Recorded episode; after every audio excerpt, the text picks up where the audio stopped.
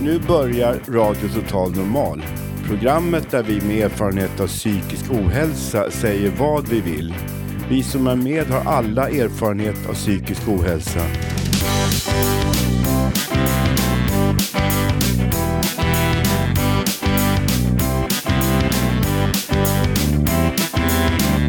Du lyssnar på radio Total Normal. 101,1. Totalt normalt. Radio Total Normal, torsdagar från två till halv fyra. Vi livesänder med publik från Götgatan 38 i Stockholm. Kom hit och lyssna. Här är alla röster lika värda.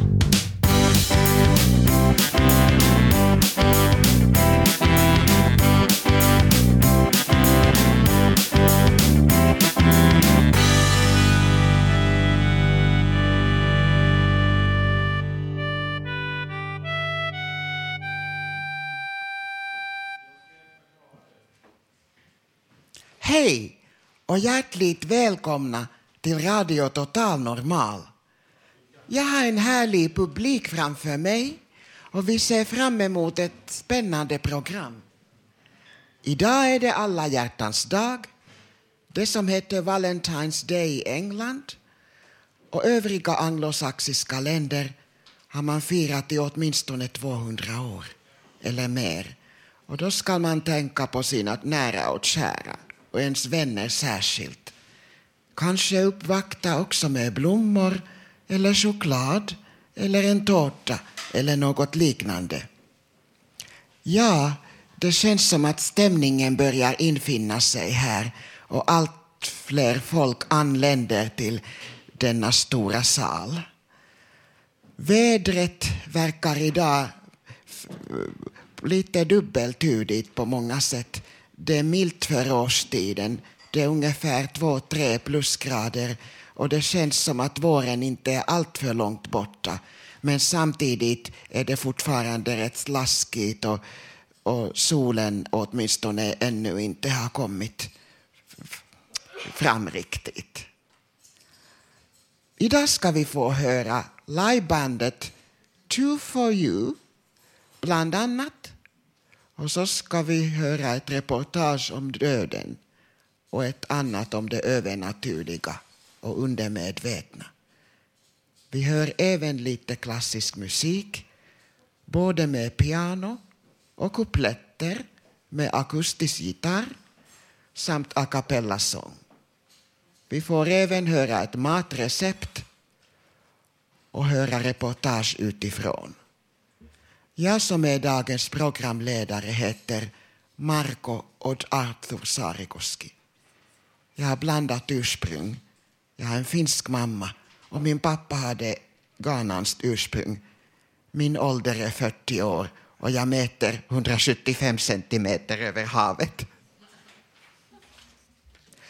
Ja, nu ska vi höra livebandet bandet Two for you i en av deras första låtar. Och det här är, ni kan presentera er själva om ni vill. Mm, Okej, okay, kan jag göra. Hej, jag heter Lilian Enbring. Och jag kommer att sjunga och pianot, på pianot så har vi Joakim Lanners. Och vi ska börja med en låt som jag tror att ni känner till allihopa. We are the world.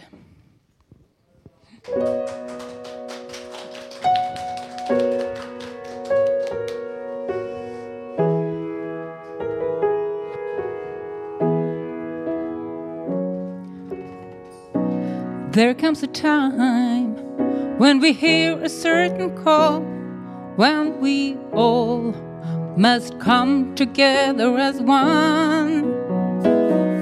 There are people dying, and it's time to lend a hand to life, the greatest gift of all.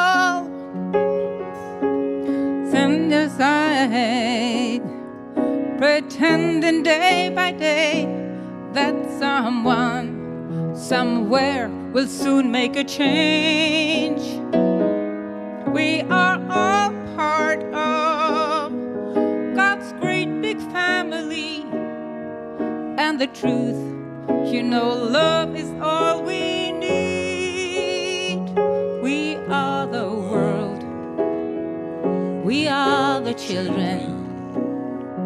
We are the ones to make a brighter day, so let's start giving.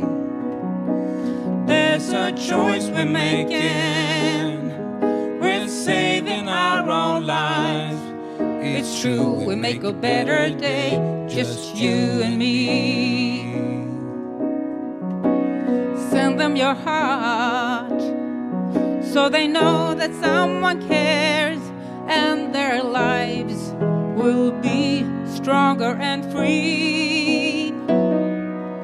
As God has shown us by turning stone to bread so that we all can lend a helping hand. Ni får gärna sjunga med. We are the world. We are the children. We are the ones to make a brighter day, so let's start giving. There's a choice we're making. We're saving our own lives. It's true, we make a better day, just you and me. When you're down and out and there seems no hope at all. But if you just believe, there's no way we can fall. Well, well, well, well, let's realize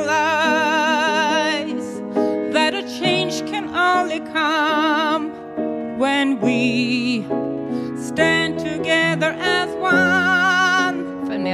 We are the world. We are the children. We are the ones to make a brighter day, so let's start giving. There's a choice we're making. We're saving our own lives. It's true, we make a better day, just you and me. We are the world. We are the children. We are the ones to make a brighter day, so let's start giving. There's a choice we're making. We're saving our own lives. It's true, we make a better day, just you and me. Tack så mycket. Tack. Som ni vet så är det ju alla hjärtans dag idag. Och någon som har ringt vår telefonsvarare för att ge oss lite kärlek är Tobias Torvid. Varsågod. Hallå allihopa i Radio Total Normal. Det här är ju då er välbekanta röst i etern. Tobias Torvid som ringer in och säger glad alla hjärtans dag på er allihopa. Jag vill bara tacka för ett toppenprogram. Och Marco, du är en fantastisk gäst programledare och du bara levererar så mycket kärlek på den här underbara kärleksfulla dagen. Jag önskar att jag kunde varit med, men jag kommer komma tillbaka nästa vecka. Puss och kram allihopa. Vi ses. Tobias vi säger hej då! Om du vill ringa vår telefonsvarare med ris eller ros eller bara för att hälsa något så gör gärna det så kan vi spela upp ditt meddelande här i radio sen. Numret är 08 420 807. Alltså 08 420 807. Och nu ska vi höra lite mer musik av Two for you. Mm, tack. Eh, vi tänkte köra en låt som är lite av en signaturmelodi för Fountain House Stockholm. Eh, och det började med en kvinna som hette Liz Asklund som föddes för hundra år sedan faktiskt. Eh, hon gjorde en film i USA. Hon fick se, det började här, Fountain House-rörelsen i USA. Och hon fick se det här och blev så tänd på det så hon tog det hem till Sverige. Hon gjorde en film. Om, om, om jag inte säger fel nu så hette den Från patient till person, den filmen. Eh, den såg jag och det är anledningen till att jag har kommit hit bland annat och fått uppleva mycket jättebra grejer och utvecklats. Eh, Lisa Asklund hon är tyvärr död nu, men hon föddes alltså för hundra år sedan. Och i år firar vi ett slags 100-årsjubileum då till hennes ära. Och precis på den dagen då hon skulle fylla 100 så har vi ett ångestlopp här på Götgatan. Eh, det är den 23 mars, eller hur? Ja, eh, någonstans på dagen. 12 kanske, något sånt. Typ, typ 12 Eh, i alla fall. 209 meter och eh, det kan man då springa av sig en hel del ångest på om man vill. Så till eh, Fountain House Stockholms ära och Liz Asklund, Don't let the sun go down on me.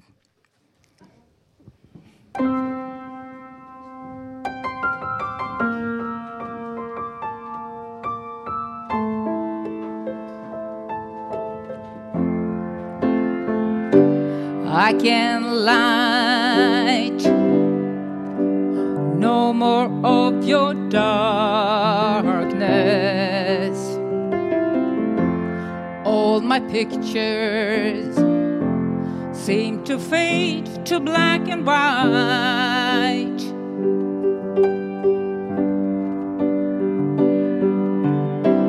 I'm growing tired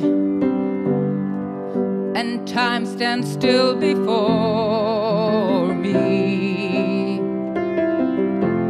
Frozen here on the ladder of my life.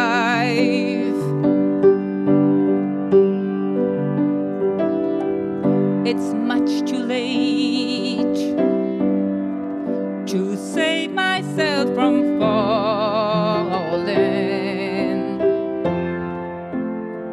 I took a chance and change your way of life.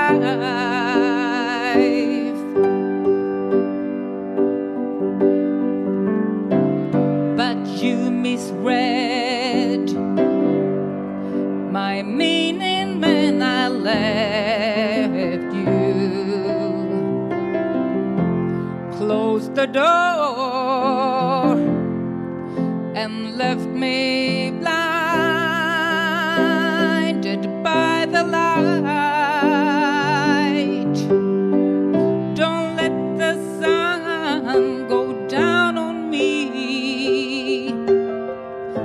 I search myself, it's always someone else I see. I just allow a fragment of your life to wander free.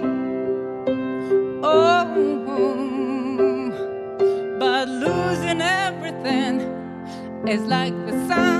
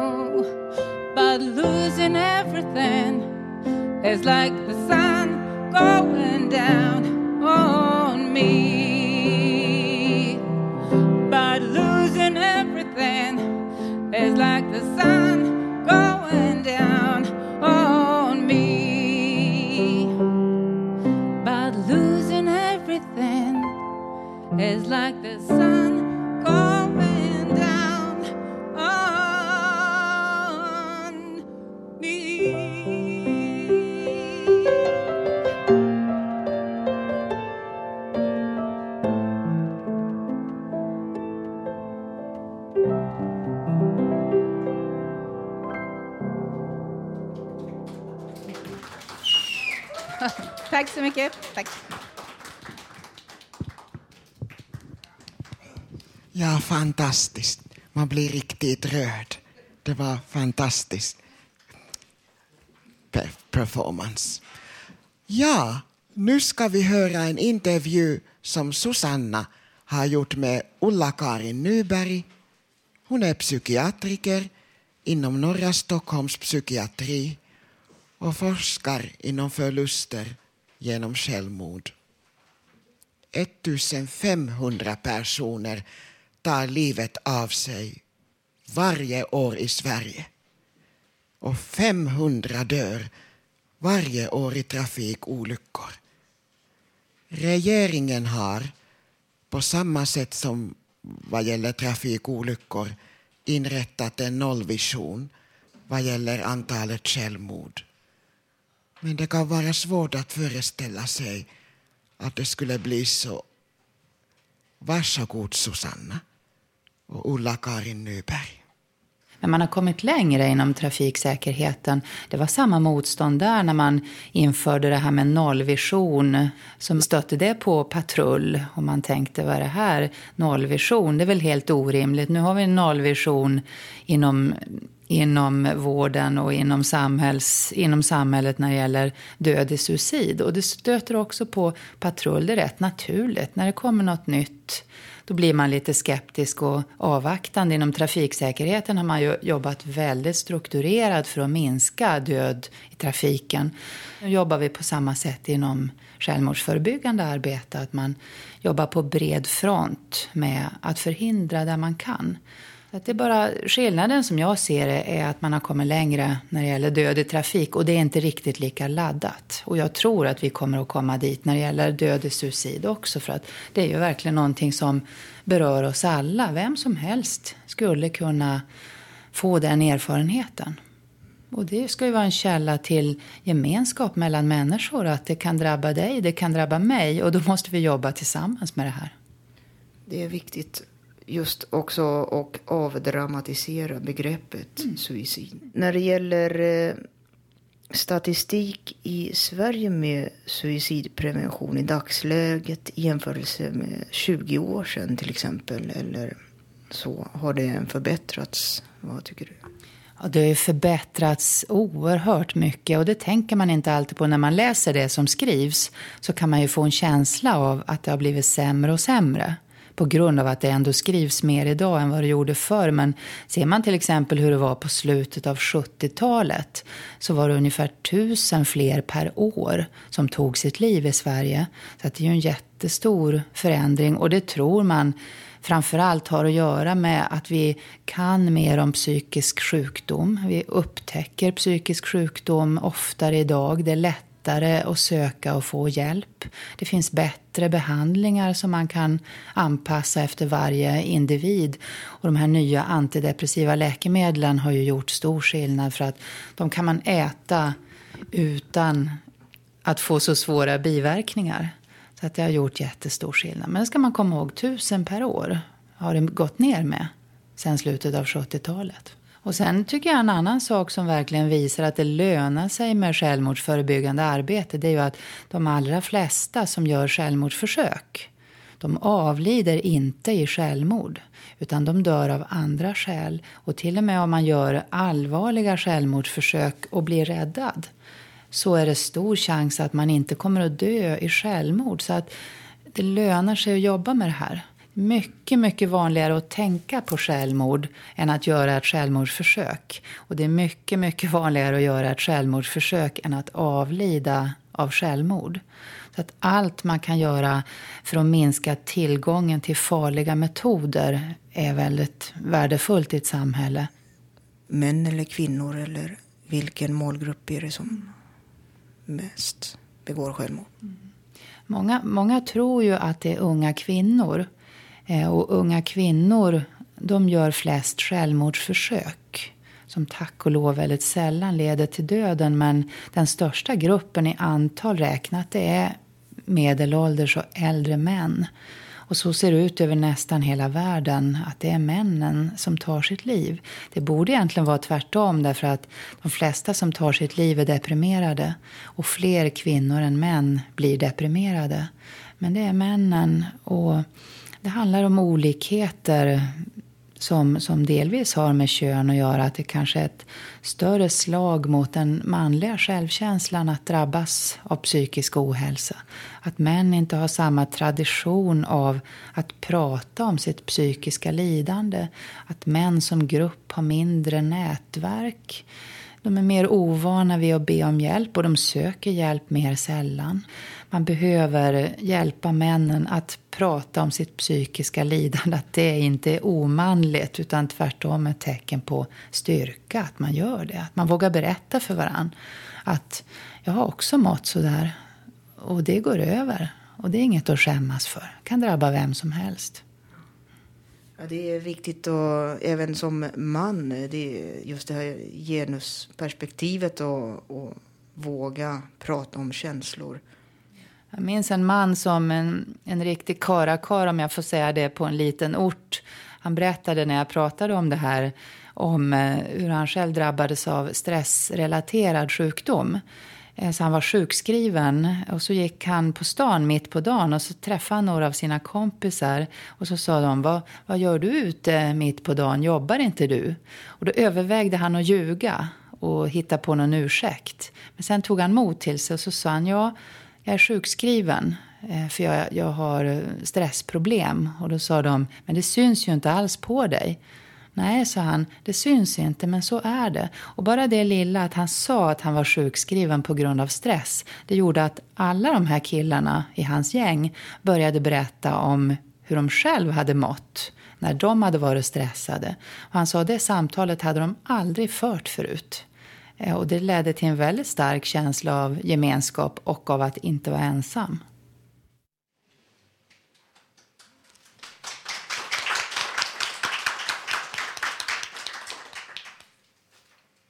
Jag ska flika in med lite lyssnarinformation. Om du som lyssnar behöver någon att prata med angående självmord så kan man alltid ringa nationella hjälplinjen 020 22 00 60. Alltså 020 22 00 60. Och nu ska Susanna ställa några frågor till publiken. Varsågod. Tack, tack, hallå. Tack så mycket. Jo, jag, jag tänkte eh, fråga någonting som jag själv också funderar över. Eh, är det tabu att prata öppet om självmord? Eh, bland kompisar på jobbet eller överlag? Självmordstankar eller liknande? Varsågod. Tack. Ja, tyvärr är det tabu att prata om självmord. Och det är nog det som också gör att det blir en sån oerhörd chock för alla när, det, när någon tar livet av sig. För skulle man prata mer om det så skulle det vara lättare att förebygga och hjälpa till och så. Men, men det tror jag att eh, när någon plötsligt bara vänder ryggen åt livet, åt oss som vill fortsätta leva, så, så är det väldigt traumatiskt. Och det tror jag man kan förändra mer om man börjar prata om självmordstankar så mer så att det är helt okej okay att prata om det, bara inte någonting man hyschar undan. Tyck, har någon annan någon fundering kring denna fråga? Vars, varsågod. De pratar om äldre och medelålders män. Jag vet inte, det måste väl... För våra grupper är väl de yngre. Och det, jag hörde otroliga siffror från 60-70-talet om att 30-40 procent dog innan de fyllde 35 för, för, några, för ett antal år sedan. Hur det är nu vet jag inte. Men det är klart, det är hårda siffror. Ja, varsågod. Ja, jag tror också att det är viktigt. Den som går i de tankarna, att han eller hon kanske funderar, är det så värt? Livet är mer värt att leva. För att vi, alla har vi problem. Och vi löser det inte genom självmorden. Ja, jag skulle vilja säga någonting. Jag tycker det är intressant.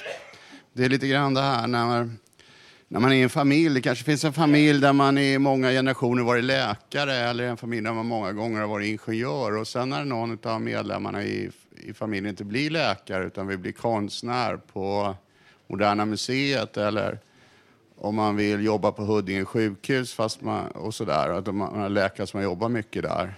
Och sen så är plötsligt får man ett barn som är jättebegåvad ingenjör och så ingenjörstalang men får aldrig utveckla det. Och då tar den här läkaren på Huddinge och burar in den här stackars kvinnan på ett, på, på, på ett hem för utvecklingsstörda fast hon skulle kunna bli en utmärkt ingenjör. Eh, jag tänkte eh, referera då vi hörde just och prata om känslor. Eh, våga tala öppet om sorg, lycka, kärlek, vrede. Just det man känner. Hur eh, upplever ni det i arbetslivet, eh, kompisar? Är det enkelt eller svårt att tala om känslor överlag? Är det någonting som som tillhör mänskligheten att prata öppet eller dölja, eller vad tycker ni? Ja. Det är väl lite olika då beroende på vem man pratar med, hur, man, hur öppen man kan vara. Men det är bra att lyfta fram saker i ljuset så blir allting lättare. Tack. Ja, varsågod. Ja, jag tror att det kan också vara lite grann en könsfråga som tidigare sades i reportagen som Ulla-Karin Nyberg gjorde eller eh, Susanna gjorde med Ulla-Karin Nyberg så har män nog eh, i allmänhet svårare kanske att tala om privata känslor. Jag kan själv inte känna mig igen det eftersom jag alltid varit öppen och kunnat prata. Men många har inte alls fått, liksom nästan fått visa sig vara sårbara och öppna. Och det är klart att eh, därför är det inte förvånande att män liksom blir desperata mycket lättare i, och liksom just av den orsaken också kanske då begår fler självmord. Men förutom det här så skulle jag också säga att förutom nationell hjälplinje och så, så kan också kyrkan vara bra på att erbjuda hjälp om man funderar i mycket dystra tankar. Av egen erfarenhet vet jag det också. Ja, Okej, eh, då får jag tacka så mycket för eh, delade tankar. Tack.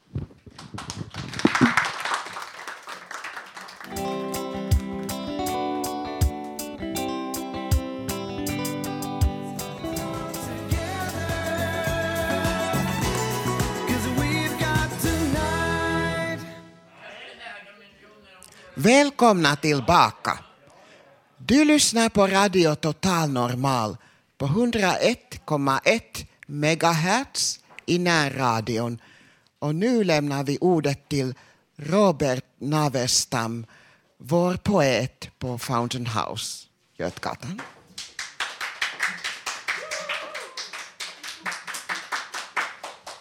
Ja, idag blir det en dikt, Två barn en sommar. Den är helt ny för i år. En dag, en sommar, en sommardag någonstans. Solen sken, vågor, en strand. Var är vi nu? Var var vi då? En sommar, två barn, sand, strand, vågor, gräs, dyner, sol, sommar. En sommar då. Jag minns vi nu. Jag var kanske tolv. Inte minns jag ens vem du var. Du kastade kottar på mig. Det har du nog glömt. Det Kanske verkar banalt. Men visst minns jag dig. Det var bara två barn. Vi lekte i sanden. Visst, men ikväll minns jag. Visst är det så. Jag minns de åren som en glittrande flod. Dagar borta.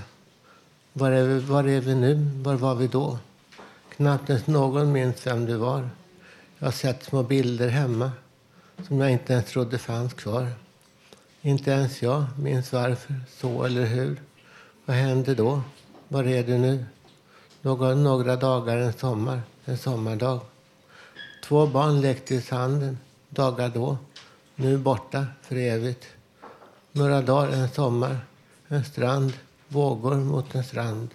Två barn, barn då, vuxna nu. Hur känner vi väl nu? Bara två barn. Men visst- Men visst minns väl jag. Jag vet inte om du minns. Ibland glömmer man. Varför gör man det? Men ikväll minns jag. Visst gör jag det. Ja, men ikväll minns jag. Visst gör jag det. Tack.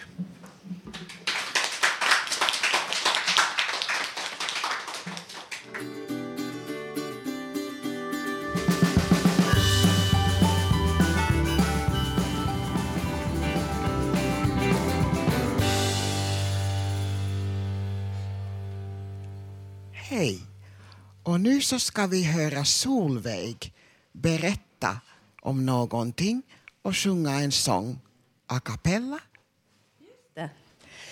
Eh, jag tänkte berätta om min mamma och pappa när de träffades.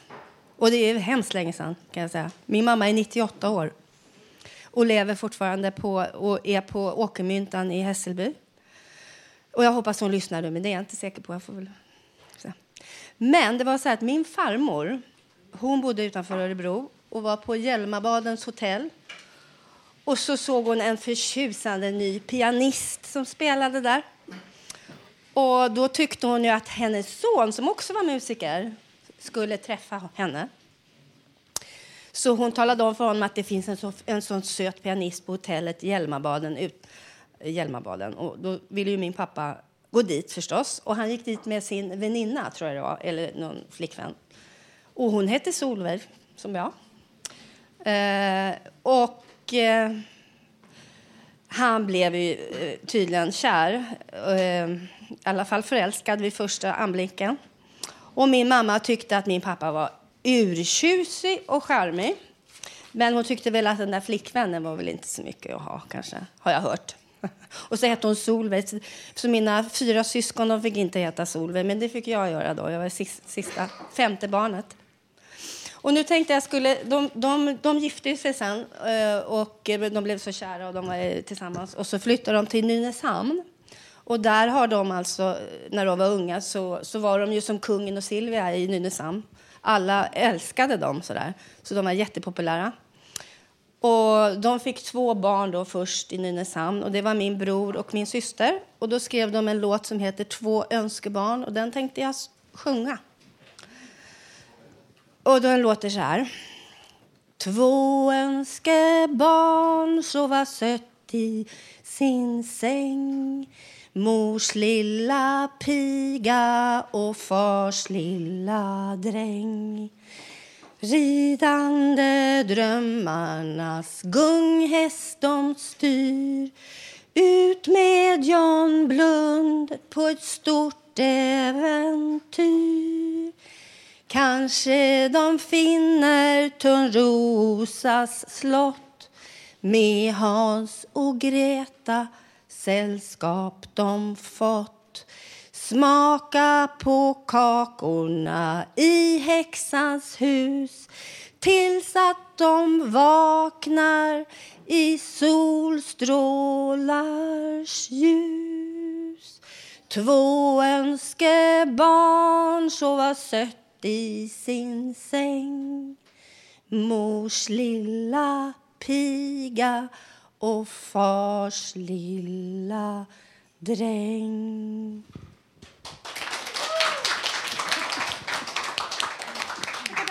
Tack. Det var rörande och fint.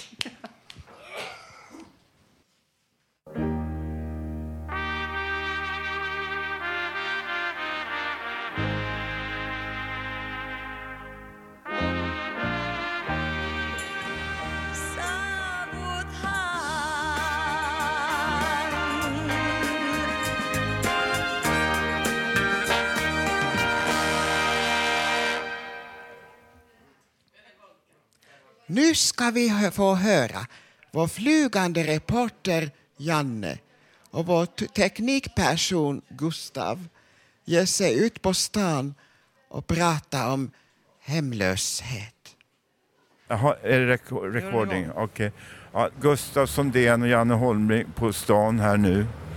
Och ganska skapligt väder ändå fast det är moddigt och Det har varit värre. det har varit värre har det varit så att det, i och med att det har varit bättre, värre så har det blivit bättre. Ja. Ursäkta min herre, får jag ställa en kort fråga? Det finns ju många hemlösa här i Stockholm. Va? Vad tycker vi ska göra med den här bostadslösheten? Ja, det är ju jättesvårt att svara på. Men- men Kan man inte bygga mer lägenheter då? Ja, det är klart man ska bygga jättemycket, men jag tänkte just på, på hemlösa. Att det behöver ju byggas väldigt billiga bostäder då som, som de kan bo i. Du har egen lägenhet eller hem och så ja. Ja. Ja, det är inte alla som har. Jag vet många av mina kamrater där, de har varit så psykotiska så de har kanske glömt bort att betala hyran va. Så de blir av med sina lägenheter. Det, är, Då måste det ju finnas fler stödboenden där sådana kan bo då som har... ja, det byggs jättemycket lägenheter i Stockholm. Det är mest bostadsrätter. Ja, det är ju det. Det går snabbt att sälja och det, i och med att det finns så få bostäder så blir det ju dyrt också. Det är väldigt svårt att få... För... Måste du gå nu? Ja, men okej, har du bra? Ska... Har du kvar till lunch nu? Äta lunch eller? Ja, bland annat. Ja, lycka till. Tack för svaret. Tack. Får jag ställa en kort fråga? Vad tycker du man ska göra? Ska man bygga fler lägenheter eller? Ja, varför inte? Är det någon som gör det tycker du i Stockholm? Det är alldeles för mycket bostadsrätter, helt klart. Alla människor har inte möjligheter att köpa en lägenhet. Vad ska vi göra rent konkret då? Regering, riksdag, kommun, landsting? Regeringen måste väl kanske ändra, ändra det där liksom, att inte allting ska bli privat. Om du fick bestämma i regeringen, vad skulle du göra då? Ja, fler hyresrätter. Okej, hej då. Hej, Ja, tack. hej. Nu har vi en fråga här till dig. Eh, flera lägenheter. Jag tror små lägenheter som folk har råd att bo i. Ja. Har du eget boende själv? Ja, Trivs du bra med ditt boende? Jättebra. Är det egen lägenhet du har då? Eget ja. Gud vad mysigt. Ha en bra dag då. Tack så jättemycket. Du med. Tack. Hej då, hej, hej. Åh gud, jag, det, svår fråga. Ehm, Har du själv eget boende? ja, det har jag. Har alltid haft eget boende sen det var... Nej, jag bodde, när jag var 17 år så flyttade jag till ett träningsboende. Så, Stadsmissionens. Eh, och det är jättebra att sånt finns för unga. Har du problem också, psykiska problem? Jag har ju det. Jag har ju schizofreni då. då. Okej. Jag har eh, ADD. Ja, Vad är det för någonting? ADD? Eh, det är en eh, funktionsnedsättning eh, som gör att jag har svårt med att organisera, planera, ehm, koncentrera mig. Det är bra att vi har kommit så långt nu så att ehm, vi vet att man säger någon är dum i huvudet som man är för knäpp eller dum i huvudet. Det är inte alls sant det. Det är funktionshinder. Det är jätteskönt och det är liksom, man har flera år tänkt att när man sitter i skolan att man är lite dummare än de andra. Och liksom, för Så är man, du inte det ändå. Nej. så får jag det förklarat nu då och det är jätteskönt. Så. Tack så jättemycket. Ja, vad roligt att prata med Ja, dig. tack tack för att du ställde upp. Tack. Vad modigt. Hej då. Hej. Vet du någonting om bostadslöshet? Har du eget boende själv eller? Nej, jag har precis fått. Har du fått det nu? Är det din första lägenhet du har nu? Nej, jag har ju haft tidigare, men jag har varit bostadslös i tio år. Varför det? Ja, jag har haft eh, olika problem. Men det, eh, kan vi säga så här, lågtröskelboende, att de Ja. inte ställer så höga krav. Utan det mår ju mycket bättre för att då kommer slussas ut långsamt, inte så Ja. där abrupt, nu får du en lägenhet och sen... Men man måste, liksom, det, det, de måste bli bättre på, på eh, det här med lägenhet för bostadslösa. De ska inte ställa så höga krav helt enkelt. De har öppnat någonting som heter Bostad först Ja, också. det har jag hört talas om, Ja. känner du till det? Ja, det är det jag med. Så det, Ja, lycka till nu då. Ja, tack ska du ha. ser ju glad ut. Du Tack. kommer klara det tror jag. Ja, det tror jag också. Var rädd om det, hej. Ja, nu går vi upp för den här eh, backen här som är så Och känner oss klara. klara. Okej, bara- jag stänger av det här nu. Ja.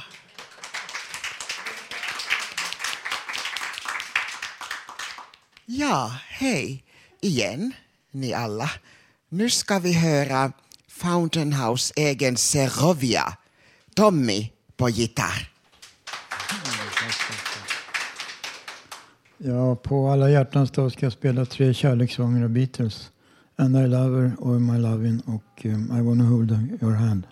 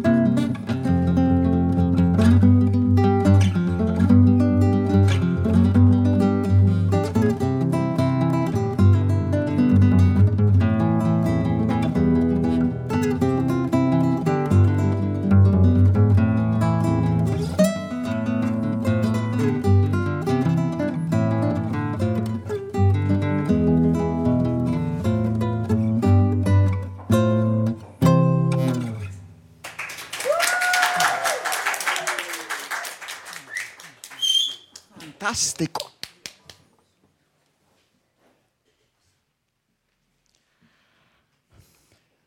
Nu ska vi höra ett reportage av Gabriel. Att det handlar om att vara lugn. Jag sitter på ett pang i Spanien och tycker allt är okej. Lugn vet jag inte hur jag ska tolka lugn. Ibland vet jag, eh, eller tänker lugn, någon kastar sig ut från en trappa i en baddräkt och inte bara det utan också en stråhatt. Och kanske någon slags känga, jag vet inte. Nu har jag tänkt någonting här och bara det skulle ju kunna tolkas som att eh, det är någon slags framsteg inombords. Jag tänker lugn, jag är ensam i ett rum och det är tyst. Kanske efter ett tag att jag dött inombords mellan 7 till 15 gånger och att det gått ifrån emellan två minuter till ett par timmar. Kanske luren ringer eller så kommer jag på att äta är en bra grej. Sova något är också något som känns bra.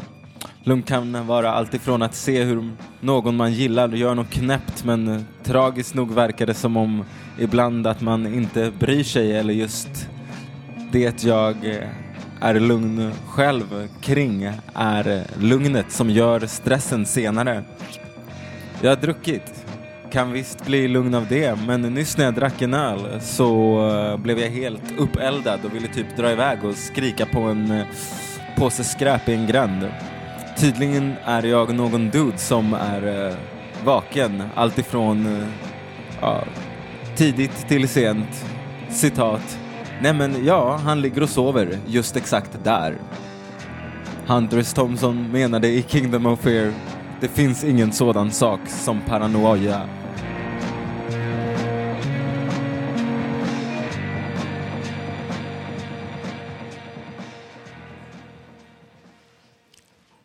Och nu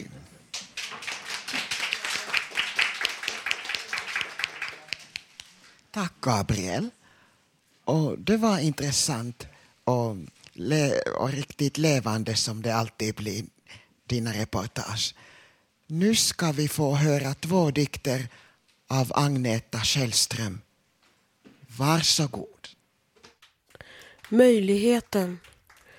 Du är den torra sanden som blåser vart den vill. Du är det rena vattnet som forsar fram över de skrovliga klipporna. Du är det mjuka regnet som smattrar mot trädets grenar. Du är regnbågen som bryter solens strålar. Du är flöjtens ton som ekar och dör mellan bergen. Du är orkidén som växer i kärret längst inne i skogen där ingen kan se dig. Du är den tunna månskäran som försvinner när solen går upp. Du är elektronen som byter energinivå och sänder ut en foton med monokromatiskt blåviolett ljus. Du är rimfrosten i björkarna. Du är spindelnätet som glittrar i motljuset. Du är den vita fjärilen som sitter på min hand. Du finns och du finns inte på samma gång. Våren i vår bygård. Jag hör motorvägens brus och ser vattendropparna som rinner ner längs de kala grenarna. Jag ser den röda solen som sänker sig ner och hör lyftkranens gnisslande sång och lastbilarnas muller. Jag hör stenkrossens eko mellan tegelväggarna och containrarnas klang. Någonstans hör jag måsarna skrika ut sin ångest. Är det ångest eller glädje? Jag är osäker. De letar väl efter mat bland soporna. Kanske har de funnit något av värde. Den violetta motskymningsbågen döljs av industriröken och flödet av bilavgaser som aldrig stannar hur jag än mår.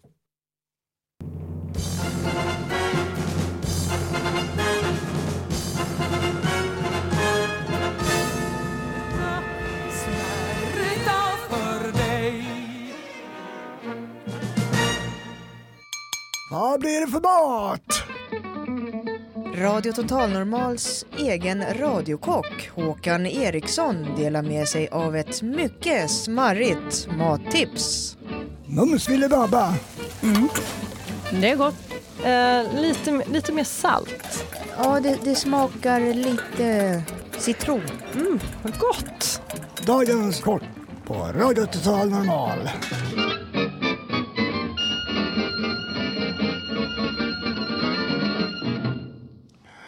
Hej alla lyssnare och er som är här inne. Idag tänkte jag eh, jag gör ett matrecept som man kanske har potatis och ris till. Men det här påstår de ju att man kan bli lycklig utav. Och nyttigt dessutom. Fisk på rotfruktsbädd med skalade räkor. Skiva olika valfria fasta rotfrukter i cirka 3 decimeter tjocka skivor. Koka dem mjuka i lite buljong. Bryn valfri fast fisk, gyllenbrun på båda sidor. Skala lite räkor och toppa med. Lägg lite av rotfrukten mitt på en tallrik. Lägg på fisken på rotfrukten. Häll över lite fisksås om ni vill ha det på fisken. Toppa med de skalade räkorna samt lite persilja på. Smaklig måltid. Jag kommer senare kommer med ett nytt matrecept. Tack för mig för denna gång.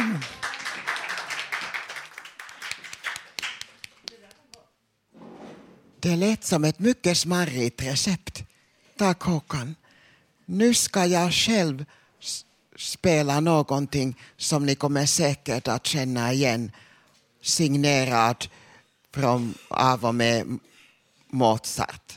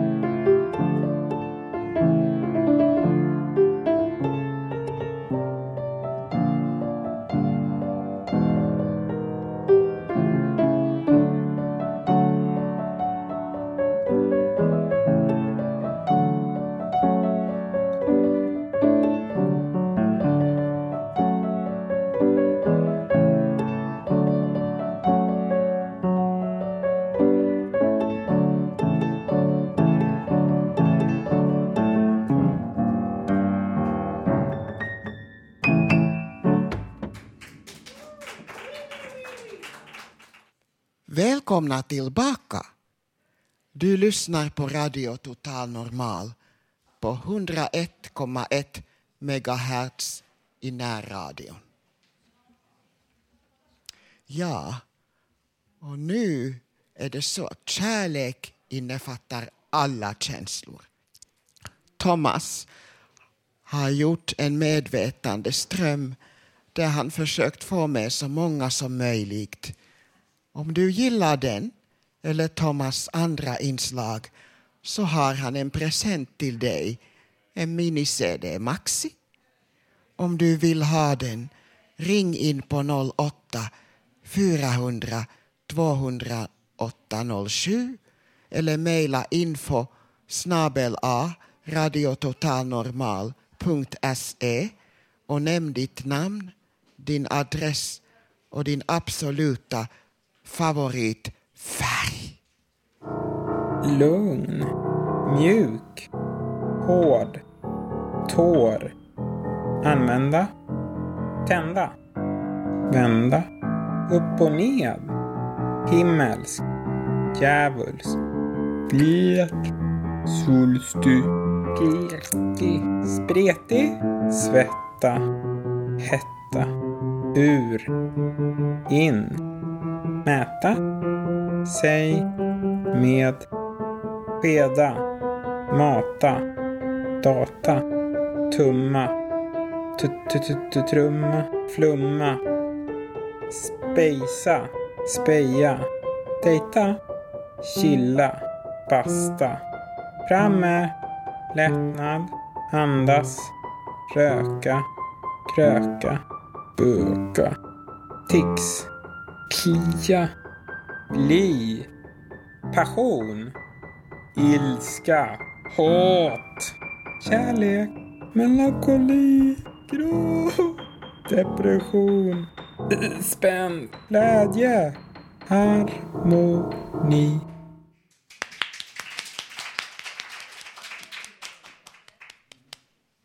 Som sagt, hör av dig om du vill ha en present.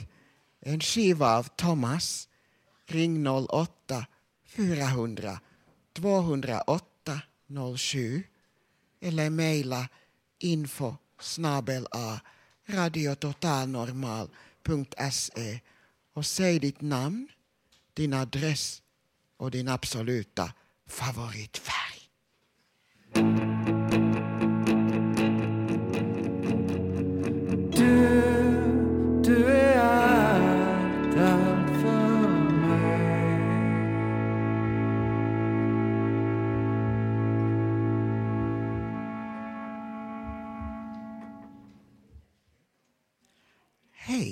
Tillbaka nu.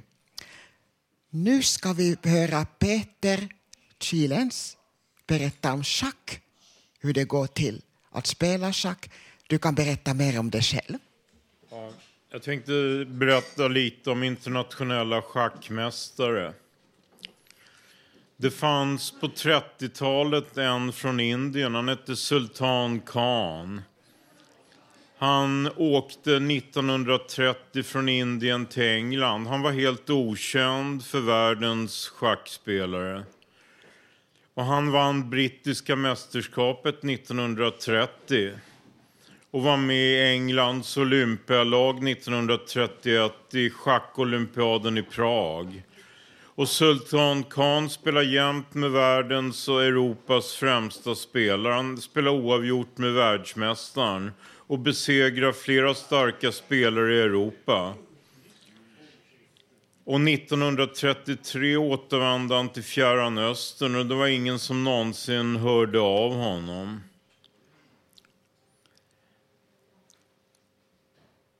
Och jag tänkte ta upp en som eh, det var väldigt bra, var Mikael Tal. Han blev världsmästare 1960. Han var från Lettland. Han var judiskt, ryskt, lettiskt ursprung. Tals familj vistades under andra världskriget bakom Uralbergen. Och efter andra världskriget återvände Tal, till, Tal och hans familj till Lettland. Tals pappa var läkare.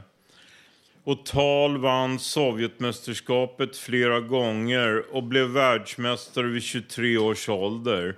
Han besegrade Botvinnik 1960 i en match i Moskva. Och Tal och Bobby Fischer var väldigt goda vänner. Och Tal var en av dem Fischer hade svårt för. En annan spelare som man kan ta upp är David Bronstein. Han har judiskt, ryskt, ukrainskt ursprung. Han är född 1924 i Ukraina. Och David Bronstein kvalificerade sig 1951 i Moskva för en VM-match mot Mikhail Botvinnik. Och den matchen slutade oavgjort. De spelade i Tchaikovsky-hallen i Moskva. Det var 1951.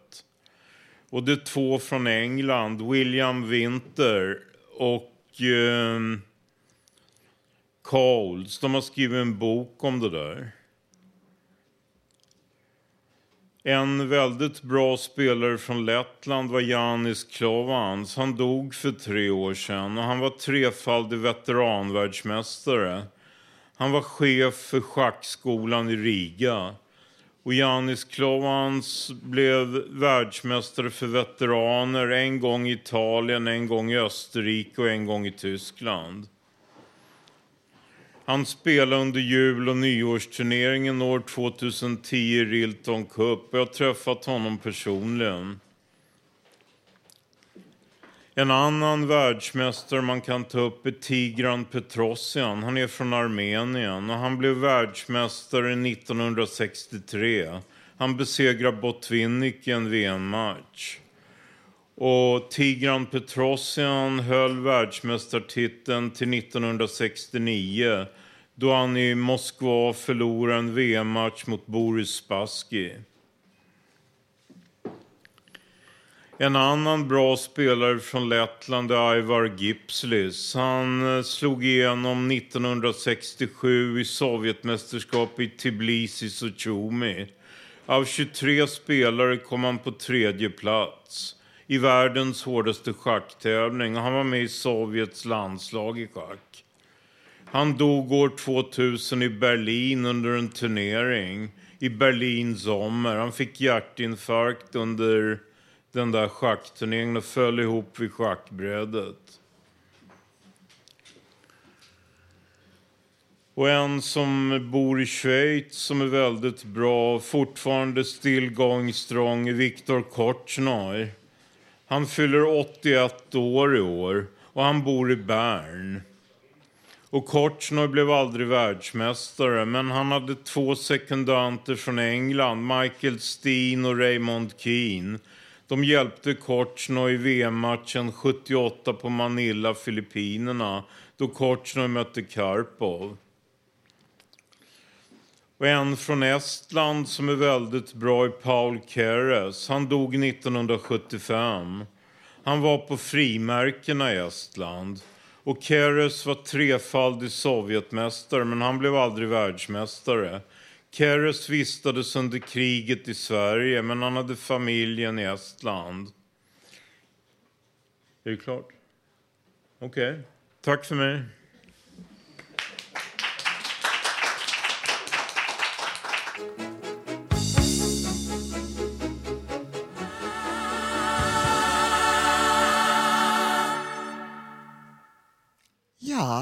Det ni sist hörde representerade Finland i Jerusalem 1979 då Halleluja vann. Och hon som sjöng hette Katri Helena, en finsk mycket känd schlagersångerska. Och nu ska vi höra Ulf Thorén. Ja. Tobbe var höst. Idag är fredag, igår torsdag. Jag bor i Hammarbyden. Jag arbetar på Fantinans kontor till jag är medlem och skrev lite dikter. Juni, juli var sommar.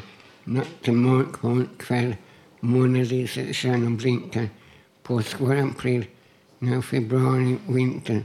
Maj var vår. Nu är 2013. Midsommar var juni.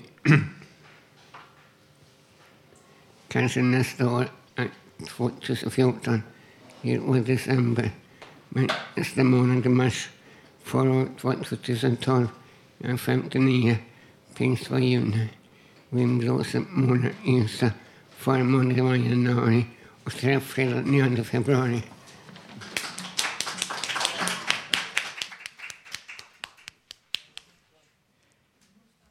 Tack för din gulliga dikt, Ulf. Ja, nu har vi kommit till slutet av sändningen denna alla hjärtans dag, den 14 februari, Valentine's Day. Idag har vi fått lära oss mer om nära döden-upplevelser och det undermedvetna och om hur man strävar efter olika saker. Dessutom har vi fått höra en massa härlig musik, poesi och många personliga och intressanta texter. Nästa torsdag kan du höra oss igen som vanligt med publik här från Fountain House på Götgatan 38 i Stockholm. Fram till dess kan du lyssna på oss på webben www.radiototalnormal.se Där kan du också skriva i gästboken, komma med förslag och gå in på vår Facebook-sida och titta på bilder. Tekniker idag var Gustav Zonde. Producent Emma Lundemark. Och ansvarig utgivare Martin Od. Och det som har valt musik idag heter Emma Lundemark, Rikard von Hennig och Marko Saarikoski.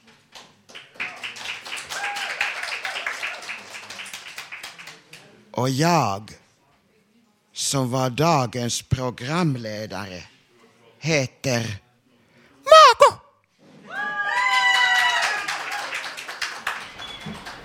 Tack för oss.